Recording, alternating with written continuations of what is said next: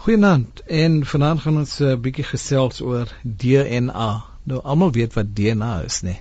Ja, maar ons ons dit is nog steeds die rekenaarrubriek net vir mense wat hmm. gedink het ons het dalk nou ons ges, ons gesprek verander hierso na 'n ander 'n mediese program mediese program.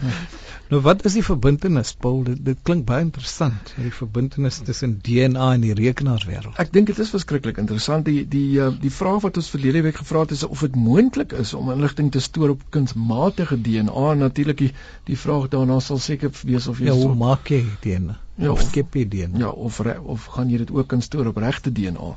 Ehm um, maar uh, hoe dit ook al sê, ehm um, en as jy dit dan wel kan doen, hoeveel inligting kan mens daarop stoor? Nou hierso is dit waar dit interessant raak selfs vir iemand wat nou ek is glad nie ehm um, in die biologiese rigting nie, maar dit is nogal interessant.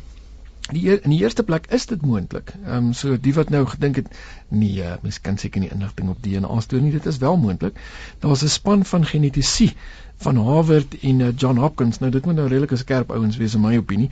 Ehm um, wat nou 'n nuwe metode van DNA enkodering ontwerp het wat dan nou moontlik maak om groot hoeveelhede argiefinligting in DNA te stoor. Nou spesifiek dan om 'n klomp inligting wat jy wil stoor ergens. Ehm um, dan nou op DNA te stoor. Die behoefte hoe, hoe stoor jy dit op DNA? Spuit hulle dit in op iets of Ek dink dis nou waar die vraag inkom. Ek wil nou amper daai vraag Dis die enkodering ja, gedeelte. Hmm, wat ons nou nie gaan verduidelik nie want ek dink ja, ons sou heeltemal maar, maar ek kan sien hoekom hulle so iets vir wil ja. ontdek want die die behoefte neem ons geweldig toe nê ja so ek vir stoorspasie raak minder. Die die die feit van die saak is mense het net soveel plek waar jy inligting kan stoor. Ehm um, so die behoefte aan stoorspasie en die hoeveelheid data wat mens wil stoor is besig om inkrementeel toe te toe te neem. Nou ehm uh, die volume inligting in die wêreld elke 2 jaar verdubbel Sjoe. Dis mm. dis skrikwekkend. Hmm. Ehm um, navorsing het bevind dat in 2011 nou gaan doen hierdie berekening vir jouself of vind 'n papier om dit op neer te skryf dat uh, eh, 1.8 maal 10 tot die mag 21 dit beteken jy moet nou 1.8 en jy moet nou 21 nulletjies agter dit gaan staan en sit of die komma nou skuif en nog 20 nulletjies aansit wat dit ook al mag wees. Ehm um, daar was 'n klomp nulle. ek wil nie eens weet hoeveel biljoene triljoene of wat ook al dit mag wees nie. Um bytes se inligting gestoor het en dit gaan um, tussen 20 teen 2020 gaan dit 50 keer meer wees. Nee, hier is nou waar mense kop vir alles mense aan gewone ek ek wil as iemand praat van hulle besit 'n miljoen rand dan gaan dit nou al klaar my kop te bowe want ek sukkel nog met die 1000 rand. 1000 rand seker soos 'n hele maar, planeet met daar is skyfies toe te plak. Is dit is en daar's daar's nog nie al almal hmm vir alles plek nie. Daar's nogal daar's nogal uh, interessant as mense nou hierdie tipe berekenings gaan doen van hoe baie dit is, maar dit dit is nogal baie. En daar's nou veral twee voordele om DNA as 'n stoormedium te gebruik en uh, dit gaan natuurlik oor die digtheid van die inligting en dan die stabiliteit natuurlik ook daarvan. Ehm um, die teoretiese is teoreties want hulle het dit nou natuurlik nog nie heeltemal ehm um, prakties gedoen. Prakties ja, uitgeoefen nie. Ja, prakties is maar soos in die praktyk is alles nie altyd presies soos die teorie ja, sê nie. Ja. Nou teoretiese maksimum van 1 gram enkeldraadstruktuur DNA. Nou weer eens die genetiese daar buite sal presies weet waarvan ons nou praat. Vir die res van ons wat nie biologie gehad het nie, is julle nou net so verward as ek. Ehm um, maar die teoretiese maksimum van 1 gram enkeldraadstruktuur, ek weet darem wat 'n gram is, wil ek nou net by sê. Maar die, die 1 gram enkeldraadstruktuur DNA kan 455 exabytes. Dis baie. Dis baie. Inligting, oftewel 4.9 maal 10 tot die mag 11 gigabytes. Dit is baie baie. Baie gigabytes. Baie baie baie. Ons het nog byvoorbeeld nie so groot hardeskyf nie. En dit kan jy in 1 gram gram DNA stoor. Mens word verder dan ook nie beperk tot twee dimensies as dit by DNA gebruik word kom nie want um, inligting kan na driedimensioneel gestoor word en die DNA hou die inligting baie lank. Nou, as ons kyk hoe lank ons DNA in ons liggaam hou, dan maak dit sin.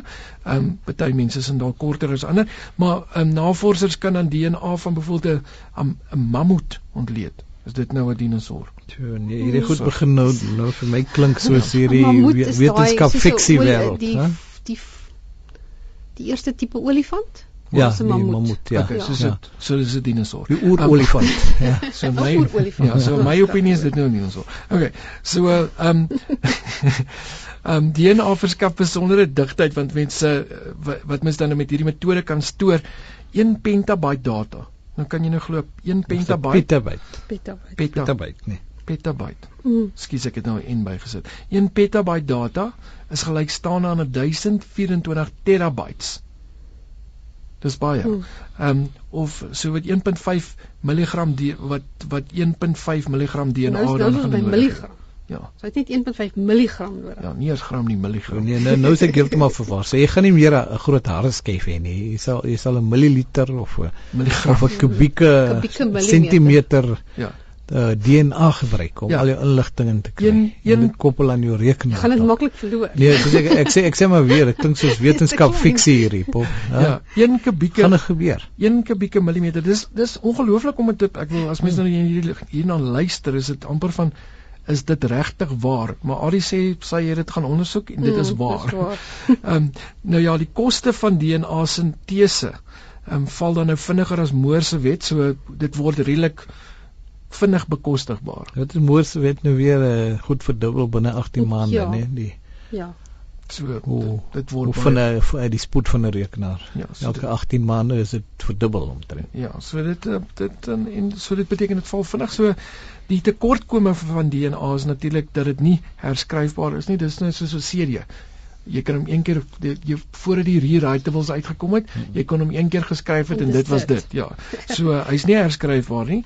Dis sekwensieel, so dis soos ons ou So dis ook kassette. ja, Kassette, dis ook ja. seker lank langer neem om om goed terug Ja. te kry Ja. byvoorbeeld. So die die data is daar, jy kan dit stoor, maar dis nie iets wat jy gou vinnig wil terugkry nie. Dit jy gaan 'n uh, jy gaan 'n rukkie vat om dit terug te kry, maar dit het die die is lankdurig, so jy kan dit vir 'n baie lang tyd stoor. Baie interessante inligting, hoewel dit so nie hierdie DNA dryf is nie 'n onmoontlike ding nie. nee, dit kan vir baie klein wees. Hy Hmm. hy, hy kan maar baie klein Ja. wees. En en dit is ideaal nou natuurlik vir argiewe, maar weer eens as daar enige genetiese wat na die program luister wat uh, dalk vir ons kan sê hoe enkodeer mens op geneties ek sal graag wil weet.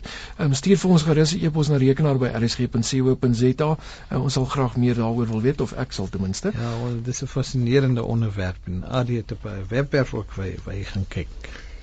Ja, kyk. daar is ehm um, uh heel heel 'n hele paar, daar's io9.com en die laaste stuk is um why DNA is the future of data storage en die ander een is www.extremetech.com. So daar's ook 'n artikel En daaroor. daar en daar is 'n deel van die uh van die webwerf se naam is Harvard cracks DNA storage, crams 700 terabytes of data into a single gram. Ja. En dis dis die naam van die webwerf. Ja. Kan jy glo? ja. Die hele naam is op ons webwerf. Gaan kyk gerus daar. Ja, gaan kyk gerus by www.rsg.co.za onder Chala tyd en volg net die rekenaar rubriek. En hierdie gesprek Adie het gekom na aanleiding van 'n vraag deur Jan Mostert, né? Ja. Wat ook vir ons 'n webwerf Ja, hy het 'n gestuur oor webwerf DNA. daaroor gestuur wat Hmm. kom uit die www.guardian.co.uk. Nou hier's 'n vraag wat uh, al ons luisteraars en, en ek ook seker maar baie makliker sal vind. Verdie wil weet of dit moontlik is om jou BlackBerry foon se bus internet te gebruik op 'n skootrekenaar. Ja. en ek kon nie vind dat jy dit in Suid-Afrika kan doen nie. Nee. Nee. Ek kon nie vind dat jy in Suid-Afrika kan kry om te werk nie.